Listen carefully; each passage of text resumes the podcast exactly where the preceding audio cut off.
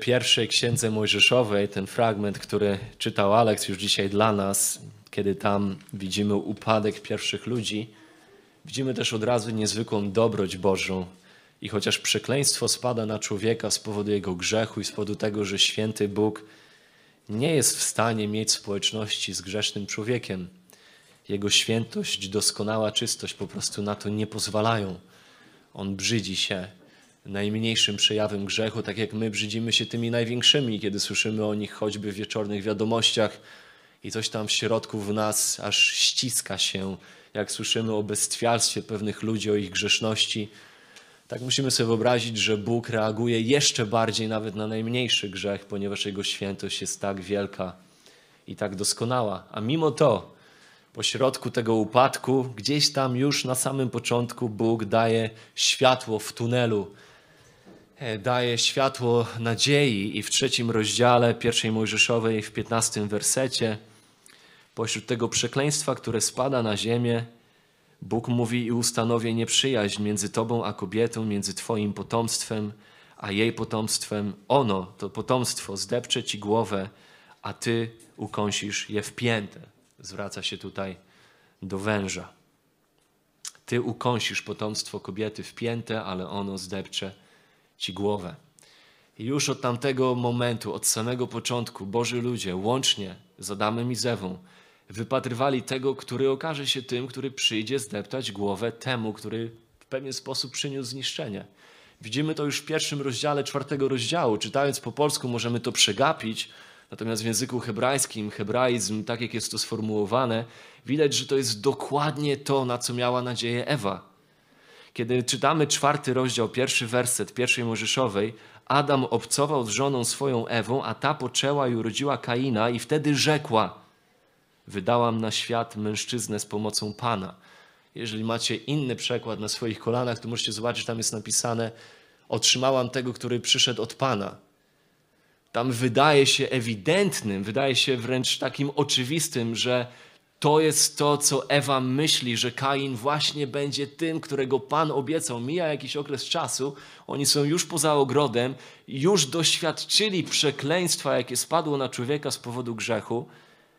Pojawia się tutaj Kain i w sercu Ewy już płonie nadzieja. Otrzymałam tego, który przyszedł od Pana to właśnie to potomstwo, to właśnie ten potomek może okaże się tym, który zdepcze głowę węża. Oczywiście znamy historię. Kain nie okazał się tym, wręcz odwrotnie. Kain okazał się kolejnym narzędziem węża. To jest ten, który zabił swojego brata. I przez cały czas, przez całą historię Starego Testamentu, to jest historia niczego innego jak tęsknoty Bożych ludzi za tym, żeby przyszedł ten, który w końcu przyniesie zwycięstwo. I każdy po kolei czy to Kain, czy to Noe, czy to Abraham, czy Izaak, czy Jakub, czy Józef, czy Dawid, czy Salomon, czy ktokolwiek inny, każdy okazuje się, że to jednak nie będzie on. I potem dochodzimy do Nowego Testamentu, otwieramy Ewangelię Marka. Więc proszę, otwórzmy Ewangelię Marka, pierwszy rozdział, wersety 12 i 13. Ewangelia Marka, wersety 12-13. Jest to wciąż, jesteśmy w tym prologu Marka do jego Ewangelii. To, co tutaj czytamy, następuje zaraz po chrzcie Jezusa. I czytamy w wersecie 12: I zaraz powiódł go duch, oczywiście smowa o Jezusie.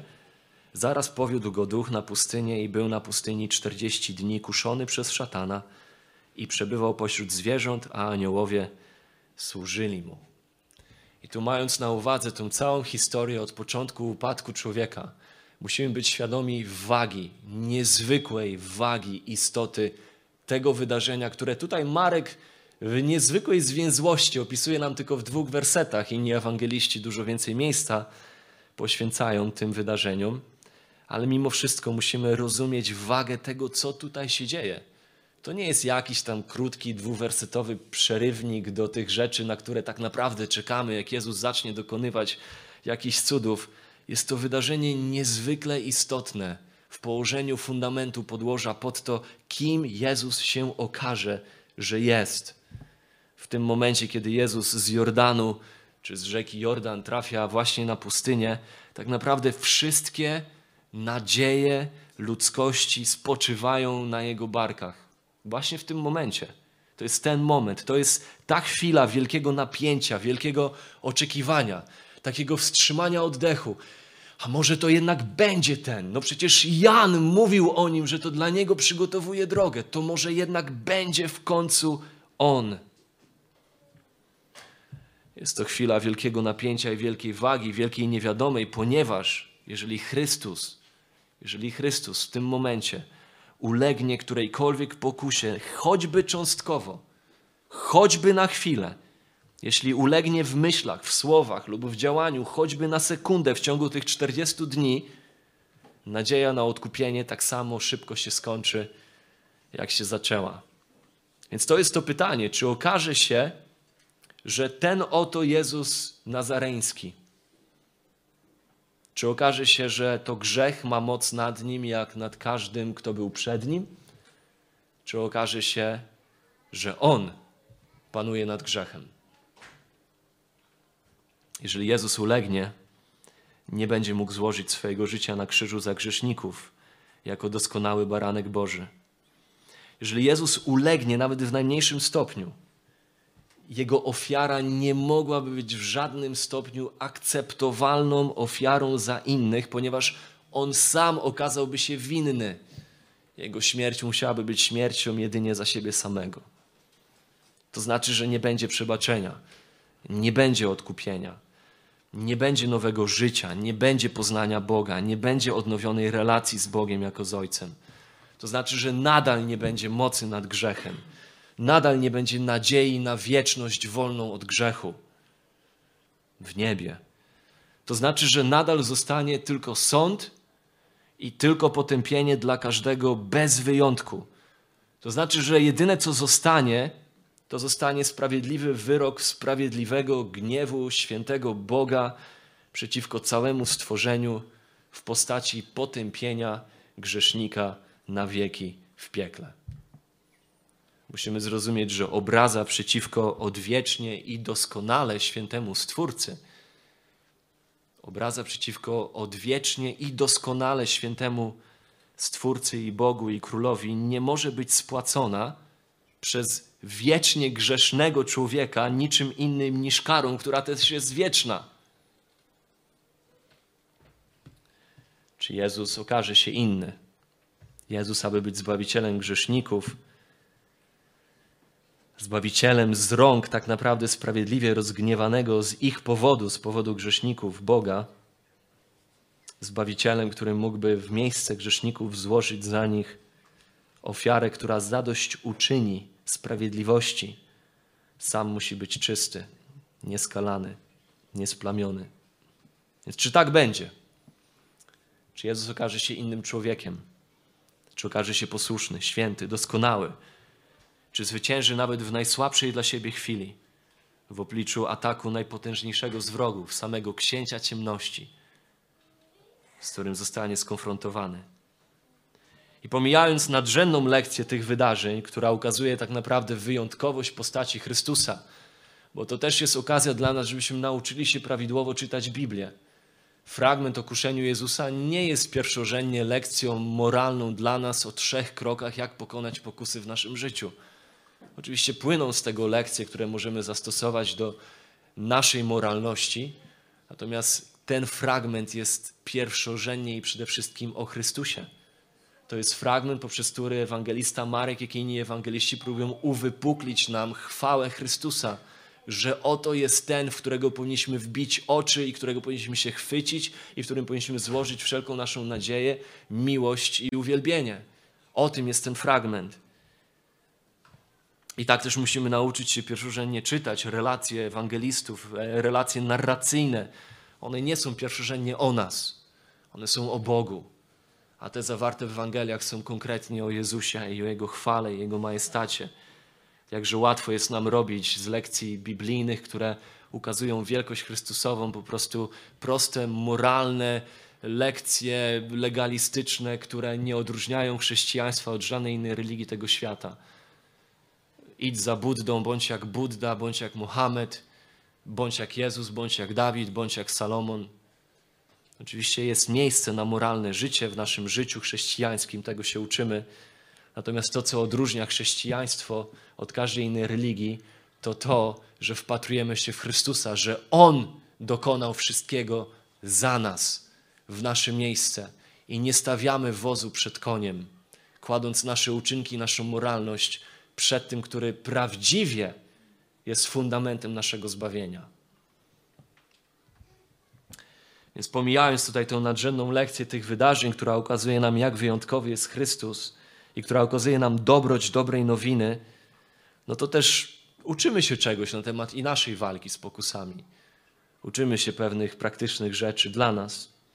Przecież każdy z nas, jeżeli miałby być szczery, stawia czoła pokusom na co dzień. I na pewno dzisiaj tutaj przyszliśmy z bagażem wielu pokus, której w tym tygodniu doświadczyliśmy, i zapewne wielu z tych pokus ulegliśmy. A może nawet gdzieś na horyzoncie leżą pokusy, których się obawiamy, i w tym tygodniu, który nadchodzi, ponieważ kochamy Pana i nie chcielibyśmy ulegać tym pokusom. Spójrzmy więc na ten fragment, próbując się zanurzyć w tych prawdach, które, które tutaj są, których On nas uczy. Tak naprawdę dwa punkty. Najpierw spojrzymy na to, jak Jezus zostaje wyprowadzony przez ducha, czy jak też jest poddany duchowi, a potem w drugim punkcie spojrzymy na to, jak Jezus przeciwstawia się szatanowi jak jest y, kuszony przez szatana i przeciwstawia się jemu. Więc Jezus wyprowadzony przez ducha. Werset 12. I zaraz powiódł go duch na pustynię i był na pustyni przez 40 dni. Mateusz i Łukasz używają tutaj słowa i duch zaprowadził, poprowadził Jezusa na pustynię. Marek używa słowa innego od Łukasza i od Mateusza. Używa słowa, znowu w innych przykładach możecie zauważyć, przetłumaczonego czasami jako, że duch wypchnął Jezusa, albo nawet rzucił Jezusa na pustynię, albo nawet wygnał, pognał Jezusa na pustynię. W opisie Marka, jak może pamiętacie, to już nie powinno nas dziwić, bo w opisie Marka wszystko jest bardziej dramatyczne, wszystko jest bardziej dynamiczne. Marek opisuje wydarzenia krótko, zwięźle, w sposób stwarzający taką aurę naglenia, taką aurę ważności tych wydarzeń, takiej pilności tego, co ma się wydarzyć. I zaraz, natychmiast, to jest też to słowo, jedno z ulubionych słów Marka, natychmiast duch wypchnął Jezusa na pustynię. Widzimy, że u Marka w ogóle nie ma czasu na to, żeby zrobić postój przy chwale chrztu, którego właśnie doświadczył Jezus. Żeby tam zaparkować i rozkoszować się tą, tą chwilą gloryfikacji Jezusa, kiedy to głos z nieba wypowiada niesamowite rzeczy, deklaruje o tym, że oto Syn Boży umiłowany. Marek nie daje czytelnikowi nawet chwili na złapanie tchu, od razu, natychmiast Jezus zostaje rzucony na ring, wypchnięty do wydarzeń niezbędnych dla zadania, które zostało Jezusowi powierzone jako Mesjaszowi, jako Synowi Bożemu, które przyszedł wykonać. To nie jest to, czego naturalnie byśmy się spodziewali. Po tej chwale chrztu, postępującej gołębicy, głosie z nieba, z czego byśmy się spodziewali? Czyżbyśmy nie spodziewali się raczej teraz, że powinna nastąpić jakaś celebracja, jakieś afterparty? jakieś ucztowanie tej, tej wspaniałej chwili gloryfikowania Jezusa. Tego byśmy się raczej spodziewali, a zamiast tego widzimy miejsce pustkowia od razu. Po miejscu chwały natychmiast Marek prowadzi nas na miejsce pustkowia. Duch prowadzi Jezusa na miejsce pustkowia. I tutaj wszyscy ewangeliści są spójni w tym. Jest to wydarzenie, które następuje natychmiast po chrzcie Jezusa. I zauważmy, że Jezus nie znalazł się w tym miejscu próby, miejscu trudu, cierpienia, zmagania, nie znalazł się tam przez przypadek. Nie znalazł się tam przez pomyłkę. Nie znalazł się tam przez to, że on popełnił jakiś błąd. Nie znalazł się na pustyni przez to, że, że Bóg, nie wiem, przysnął, pogubił się. To nie ślepy los spowodował, że z chwały chrztu nagle znalazł się w miejscu posłuchy. Marek w swojej zwięzłości wyraźnie podkreśla, że to duch go tam zaprowadził. Duch. Bóg Ojciec swoim duchem prowadzi syna na miejsce pustkowia, aby był poddany próbie. Okazuje się, że to wszystko była część doskonałego planu Bożego. To wszystko miało doskonałe miejsce w tym obrazie zbawienia, który Bóg malował, tworzył przez życie, śmierć, zmartwychwstanie Chrystusa. Tutaj rozwijało się coś wspaniałego w miejscu, które chwilowo jest brzydkie, jest trudne, jest pełne posuchy. Dzieło ratunku dla grzeszników tutaj się realizuje. Ten sam duch, który wyprowadza Jezusa na pustynię, jest duchem, który też oczywiście wyposaża go we wszystko, co jest niezbędne do stawienia czoła temu zadaniu. Tutaj widzimy dwa aspekty. Widzimy suwerenność Bożego planu, to Bóg prowadzi Jezusa w to miejsce, ale też prowadzi go swoim duchem, wyposaża go swoim duchem. Wszędzie, gdzie ojciec posyła swoje dzieci, przed każdym zadaniem, jakie stawia swoje dzieci, do tego zadania też je wyposaża. Czytamy o tym chociażby w drugim liście Piotra, w pierwszym rozdziale, że boska Jego moc obdarowała nas wszystkim, co jest potrzebne do życia i pobożności. Przez poznanie Chrystusa zostały nam dane drogie i największe obietnice. Wszystko zostało nam dane, co jest potrzebne do życia i pobożności. Tam, gdzie Bóg posyła, tam też wyposaża. I tutaj Duch pcha Jezusa na pustynię i wyposaża go we wszystko, co jest niezbędne, uzbraja go we wszystko, co jest potrzebne, by stoczyć walkę z szatanem. Zanim pójdziemy dalej, jest tutaj niezwykle praktyczna lekcja dla nas. Taka trochę na marginesie, drugorzędna, ale jakże ważna dla dobrostanu naszego serca, kiedy my trafiamy na pustynię, wszelakie pustynie naszego życia. Musimy pamiętać, że pójście za Jezusem w tym życiu nie oznacza wcale, że będzie łatwo. Pójście za Jezusem nie oznacza, że o teraz wszystko w moim życiu zostanie naprawione. Pójdź za Jezusem, Twoje małżeństwo zostanie naprawione. Twoja sytuacja finansowa zostanie naprawiona. Twoja sytuacja zdrowotna zostanie naprawiona. To są fałszywe obietnice fałszywego chrześcijaństwa i fałszywej Ewangelii. Kiedy czytamy bardzo wyraźnie świadectwa Nowego Testamentu, widzimy bardzo wyraźnie, że pójście za Jezusem wiąże się wręcz z czymś odwrotnym. Wiąże się bardzo często z trudnościami, z cierpieniem, z próbami, z cierpieniem.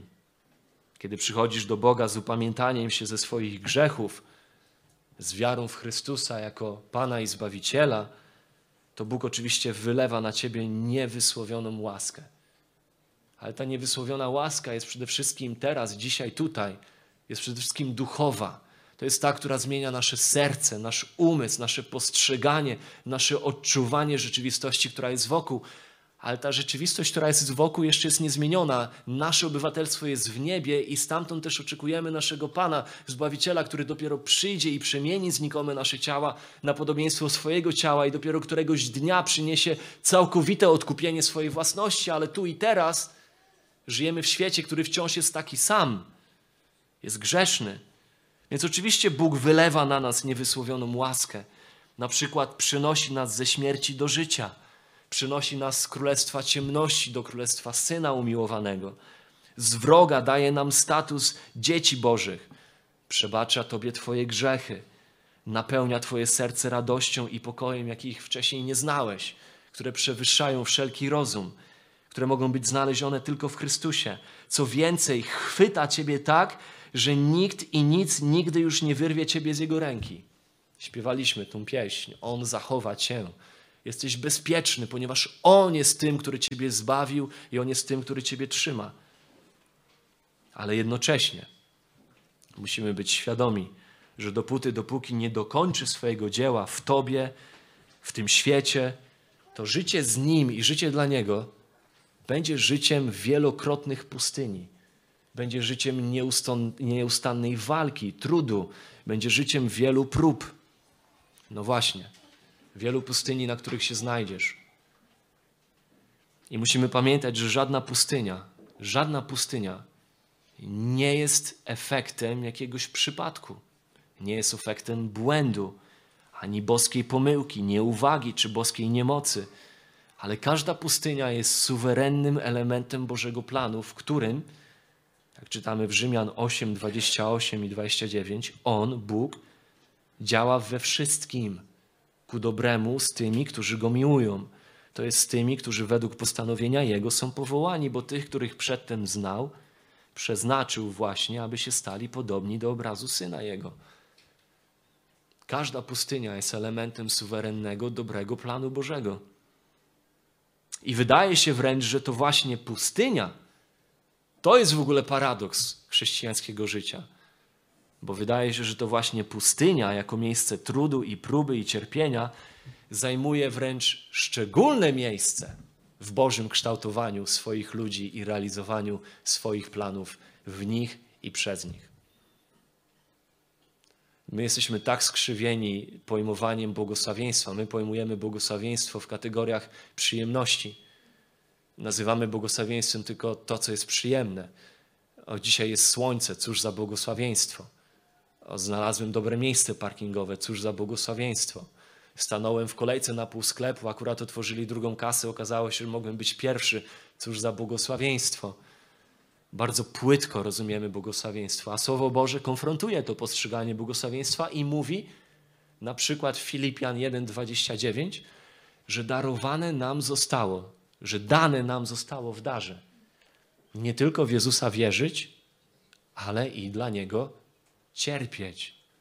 Kiedy ostatni raz postrzegałeś pustynię, przez którą przechodzisz, jako dar, jako błogosławieństwo, a nie jako przekleństwo w Twoim życiu? W Filipian 3:10 apostoł Paweł mówi: Chcę znaleźć się w Chrystusie, doznać mocy Jego zmartwychwstania. Tego wszyscy chcemy. Amen. To wszyscy wołają: Chcę mocy zmartwychwstania w swoim życiu. Krzyczeć do moich kart kredytowych, jak to robi jeden z ewangelistów, można znaleźć na YouTubie. Zmieniać okoliczności mojego życia. Ale jakoś wszyscy pomijają drugą część tego wersetu. I współuczestniczyć w cierpieniach Jego. Jakuba, pierwszy rozdział, werset 2, 3 i 4. Poczytujcie sobie za najwyższą radość, kiedy rozmaite przyjemności przechodzicie? Oczywiście nie, wiemy, że nie tak jest tam napisane. Poczytujmy sobie za najwyższą radość, kiedy rozmaite próby przechodzimy. Próby. Pierwszy Piotra, pierwszy rozdział, wersety 6 i 7. Fragment, który pomaga nam doceniać te pustynie życiowe, na które wprowadza nas suwerennie Bóg, ponieważ one sprawiają, że wypróbowana wiara nasza może okazać się bardziej drogocenna niż złoto w ogniu wypróbowane. Mateusza, piąty rozdział, w kazaniu na górze. Błogosławieni jesteście, kiedy wam złorzeczą, kiedy was prześladują. I cały czas, kiedy przewijamy się przez Nowy Testament i to, jak wygląda życie, droga chrześcijanina, tego, który poszedł za Jezusem, widzimy, że Pan Bóg błogosławi przez cierpienie. Cierpienie nie jest przekleństwem dla chrześcijanina, ale jest miejscem, w którym Bóg ukazuje swoją chwałę, buduje swoich ludzi. Wracamy do Jezusa, bo to o nim jest ten fragment, bardziej niż o nas. Mamy 40-dniowy czas na pustyni, który nie był ani przypadkiem, ani błędem, ale był doskonałym elementem Bożego planu zbawienia. Bóg swoim duchem robi dokładnie to, co zamierzał zrobić. Prowadzi Jezusa do miejsca stoczenia walki. Walki w nasze miejsce. To jest ten temat, którym ostatnim razem zaczęliśmy, mówiąc o Jezusie, który staje w naszym miejscu. To jest dokładnie kontynuacja tego samego. Jezus staje w naszym miejscu jako człowiek, kiedy widzimy to wydarzenie Jego chrztu. Jezus staje w nasze miejsce w tej pokusie. To jest zastępcze pokuszenie Jezusa. On staje w nasze miejsce. Więc przejdźmy do tej drugiej części. Jezus kuszony przez szatana. Jezus kuszony przez szatana. Historia ludzkości wygląda następująco, żebyśmy sobie ją przypomnieli, byśmy mogli ją utrwalić. Pierwszy człowiek, Adam, otrzymał od Boga funkcję reprezentanta ludzkości. Otrzymał rolę głowy ludzkości. Stworzony na obraz Boży, po to, by Boga znać, by Bogiem się rozkoszować, by z Bogiem żyć, jednocześnie zarządzając Bożym stworzeniem. I to, jaki okazałby się Adam, następnie miało być prawdziwe w odniesieniu do wszystkich, którzy zrodziliby się z Adama. Adam stał w naszym miejscu. Kiedy przyszedł moment pokusy, czytane dzisiaj było, Adam uwierzył diabłu, uwierzył kłamstwu, wybrał nieposłuszeństwo Bogu. Widzimy, że Adam podeptał, w pewien sposób podeptał Bożą dobroć i Bożą świętość. Adam w tym momencie wybrał autonomię, niezależność. Ta pokusa, by być jak Bóg, że może jednak te zasady Boże to tak naprawdę niszczą Twoje życie, ograniczają Twoje życie. Adam uwierzył temu kłamstwu, chciał autonomii, niezależności. Zaufał temu, że jednak życie niezależne od Boga będzie zaiste życiem prawdziwie. Jak pisze Paweł do Rzymian, jak Adam umarł, wszyscy umarli. Wraz ze strasznym wyborem Adama czytamy, że grzech wszedł na świat i wszyscy po Adamie rodzą się jak Adam. Rodzą się w grzechu. Wszyscy, wszyscy bez wyjątku ulegamy pokusom. Kochamy to, co grzeszne, nienawidząc tego, co święte. Wszyscy pragniemy głęboko w sercu autonomii. Chcemy być niezależni. Wierzymy w kłamstwo, że możemy być samowystarczalni i wtedy życie będzie lepsze. Wszyscy chcemy stawiać siebie w pozycji Boga. I w tym sensie jesteśmy jak Adam. I to, co stało się konieczne, to to, by Bóg zszedł na ziemię jako drugi Adam. Żeby Bóg przyszedł na ziemię jako inny Adam, ten, który będąc prawdziwie człowiekiem, mógł stanąć w miejscu ludzi, oprzeć się złu ze względu na miłość do Ojca. Więc Jezus dokładnie to robi. Stawia czoła szatanowi, zanim jeszcze rozpocznie swoją publiczną służbę. Robi to w miejsce grzeszników. Staje w naszym miejscu, przychodzi naprawić to, co pierwszy Adam zepsuł przez swój upadek i swój grzech. Dlatego znowu w liście do Rzymian Paweł pisze o Jezusie jako o drugim człowieku, który przychodzi stworzyć nową ludzkość. I tu widzimy fascynującą rzecz. Kiedy Marek używa tutaj słowa duch wypchnął Jezusa na pustynię, to używa tego samego słowa, które zostało użyte w Septuagincie. Septuaginta to jest grecki przekład Starego Testamentu. Stary Testament został napisany w języku hebrajskim, ale bardzo wcześnie został przetłumaczony na język grecki i autorzy Nowego Testamentu, korzystając ze Starego Testamentu, korzystali z Septuaginty. Cytują Septuagintę w Nowym Testamencie. To jest bardzo ciekawe, ponieważ to słowo, którego używa tutaj Marek, to jest to samo słowo, które znajdujemy w pierwszej Mojżeszowej 3:24. Pierwsza Mojżeszowa 3:24, gdzie czytamy, że i wygnał Bóg człowieka z ogrodu. Wygnał Bóg człowieka z ogrodu. Tutaj czytamy, że duch wygnał Jezusa na pustynię. Duch prowadzi Jezusa w miejsce wygnania. Duch prowadzi Jezusa w miejsce, które pozostawił po sobie Adam. Jezus staje w nasze miejsce, ale pamiętajmy, że nie w takim świecie, jaki Adam zastał, kiedy został stworzony przez Boga, ale w takim świecie, jaki Adam po sobie zostawił, kiedy wybrał kłamstwo zamiast prawdy.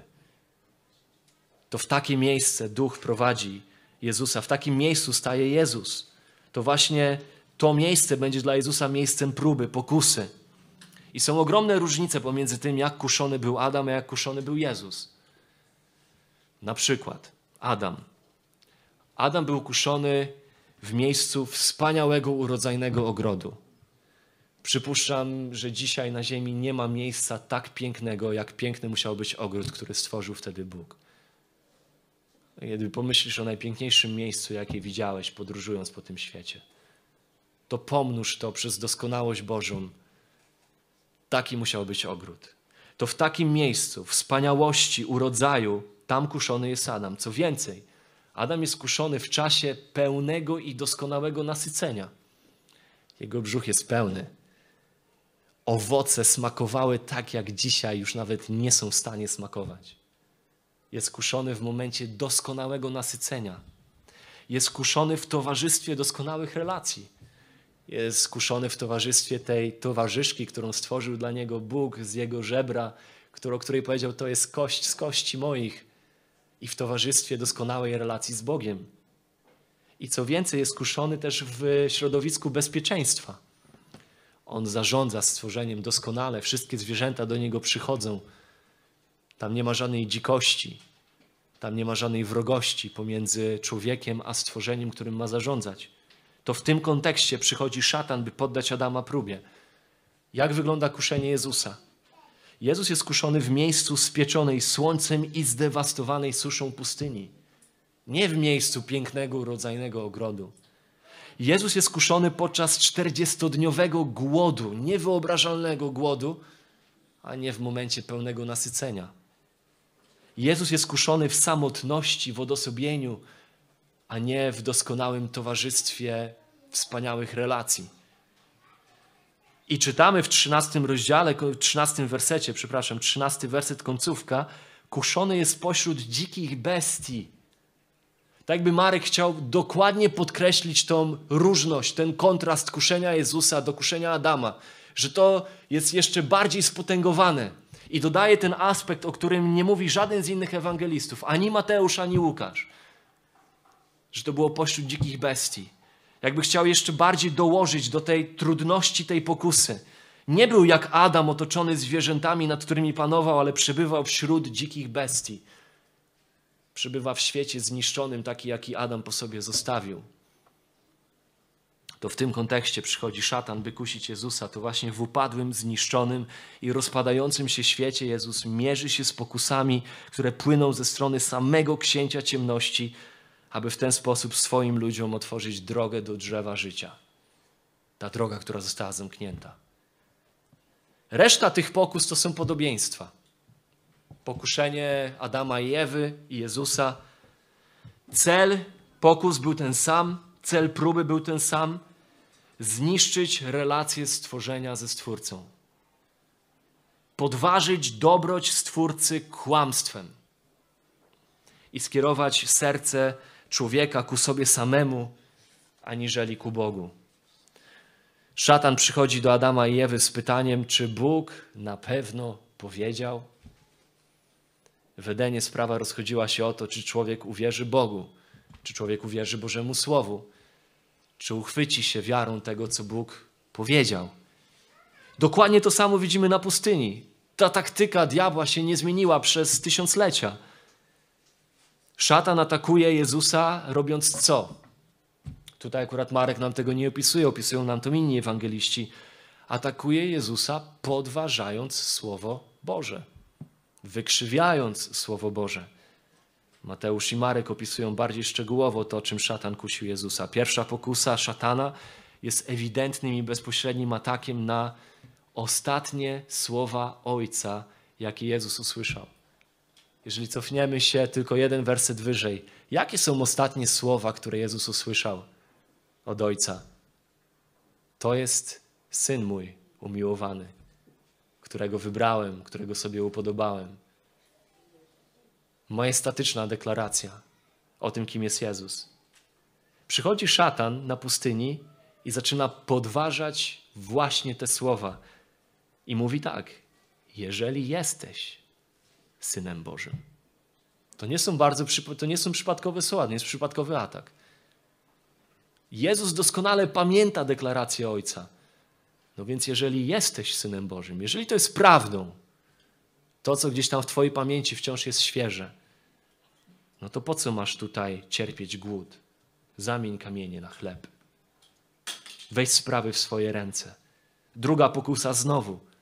Jeżeli jesteś Synem Bożym, jeżeli faktycznie jest tak, jak Bóg powiedział Tobie, że jest, to sprawdź to. To sprawdź to. Nie bądź naiwny.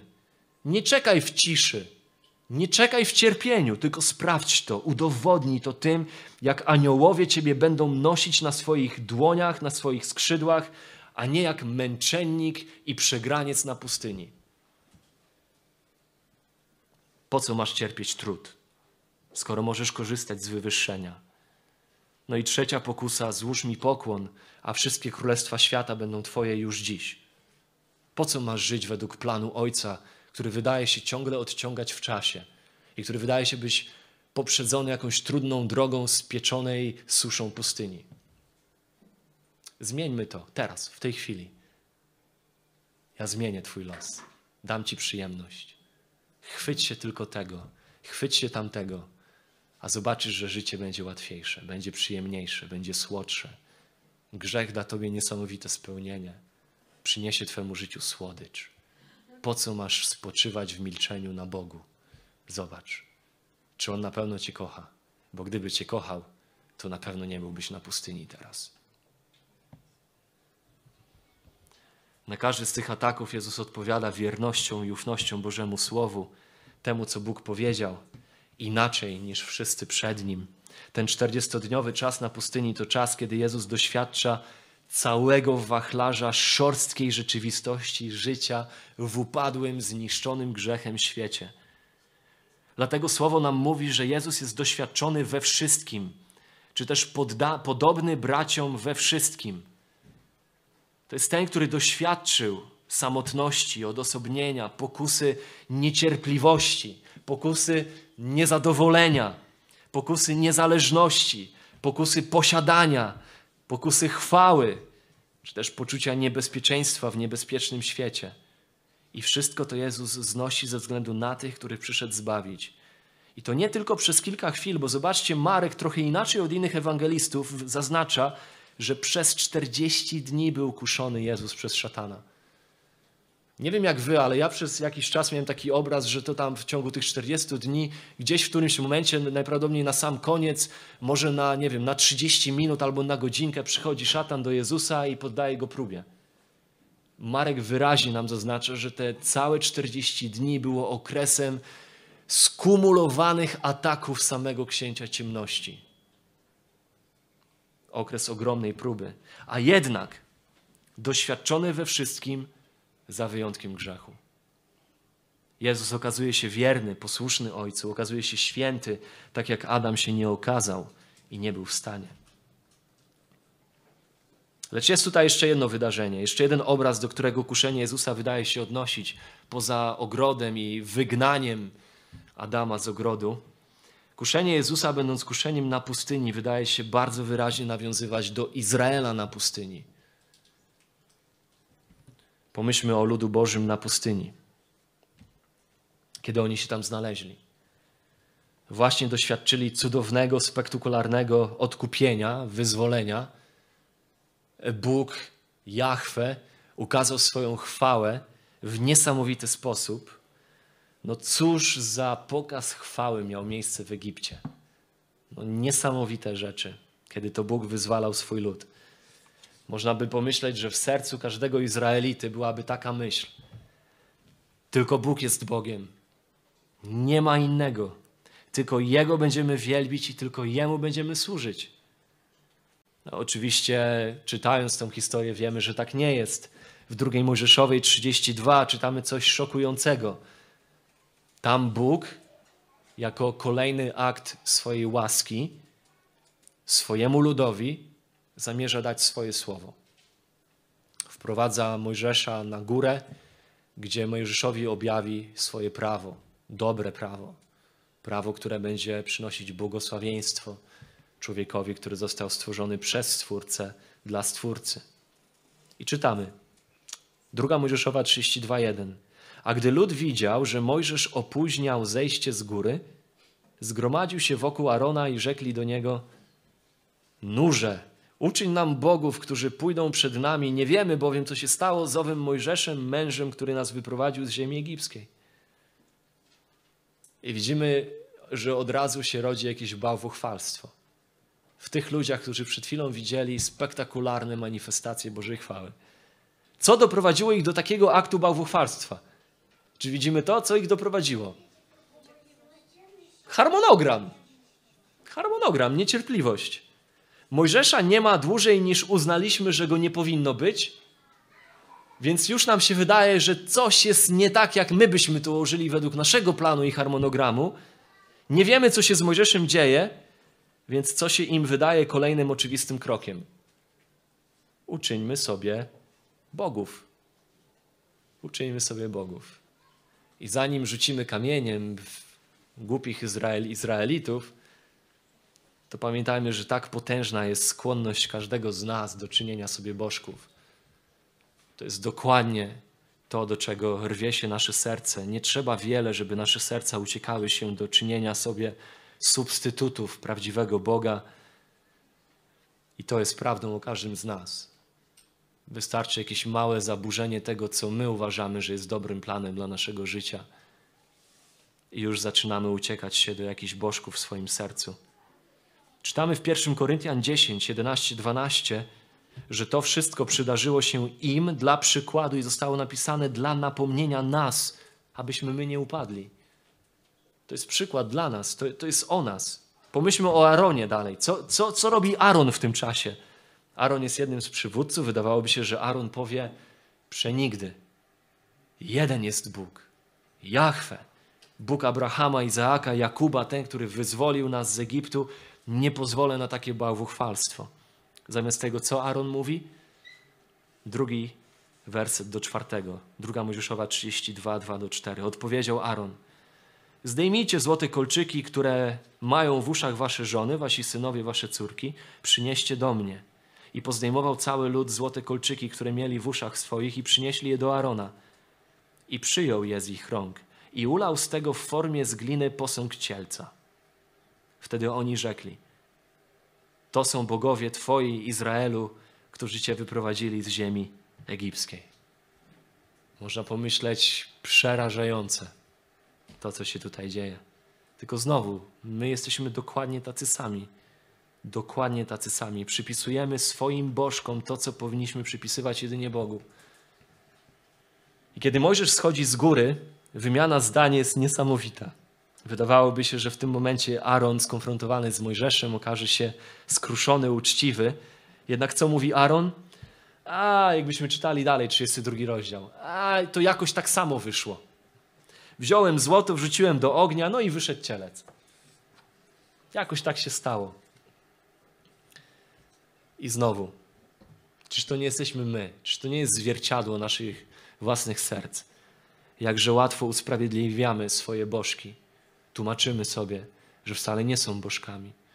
Nawet wracając do kazania brata Fila zeszłego tygodnia, jak często sobie usprawiedliwiamy, że Bożek zamartwiania się jest tylko tak naprawdę naszą odpowiedzialnością, a nie Bożkiem, który sparaliżował nasze myśli, uczucia i wszystko, co teraz robimy i czym żyjemy.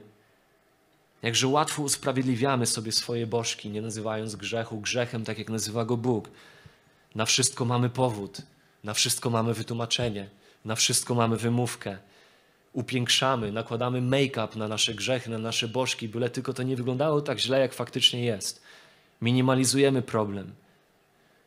Jakże desperacko w tym wszystkim potrzebujemy Jezusa, który może stanąć w nasze miejsce. Bo my w chwili próby, w chwili pokusy nie okazujemy się święci, nie okazujemy się czyści, nie okazujemy się posłuszni.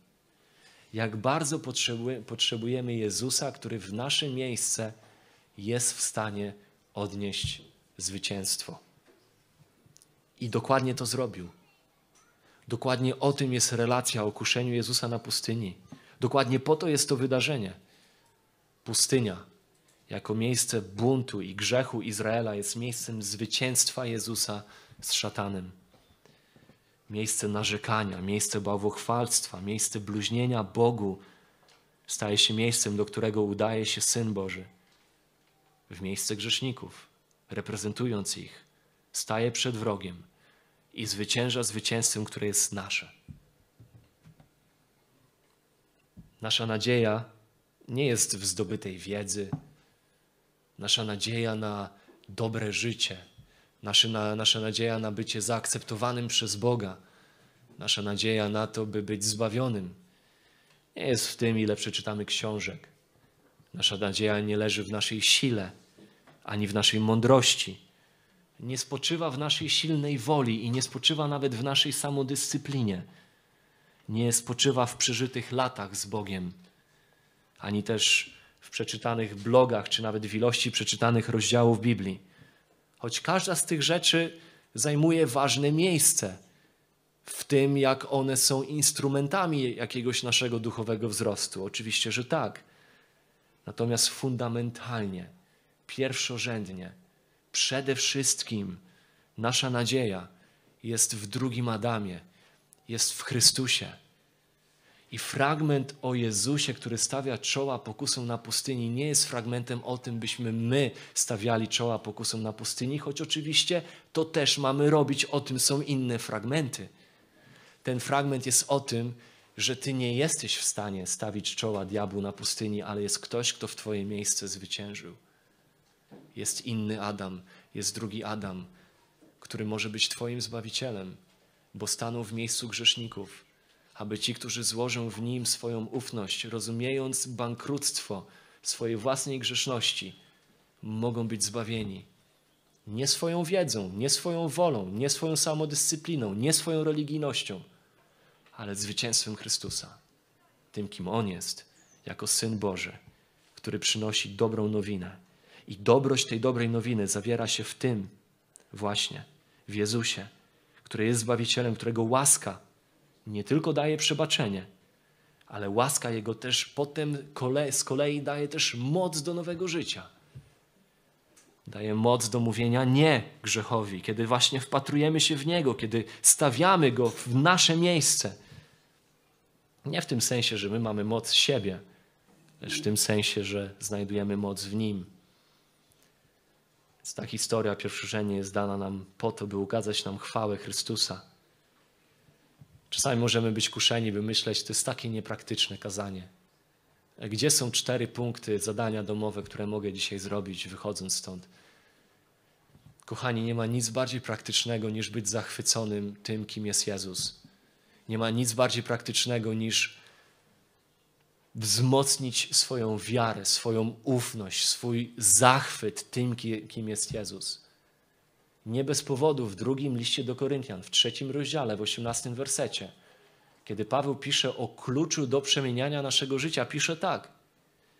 Z odsłoniętym obliczem oglądamy jak w zwierciadle chwałę Pana, to jest to, co robimy. Oglądamy chwałę Pana, wpatrujemy się w to, kim jest nasz Pan, aby nasza wiara rosła, aby nasze uwielbienie wzmacniało się, aby nasz podziw do tego, kim jest nasz Zbawiciel, był większy. To jest to, co robimy. I wtedy, pisze Paweł, wpatrując się w chwałę Pana, zostajemy przemienieni w ten sam obraz z chwały chwałę, jak to sprawia Pan, który jest duchem. Pochylmy głowy w modlitwie.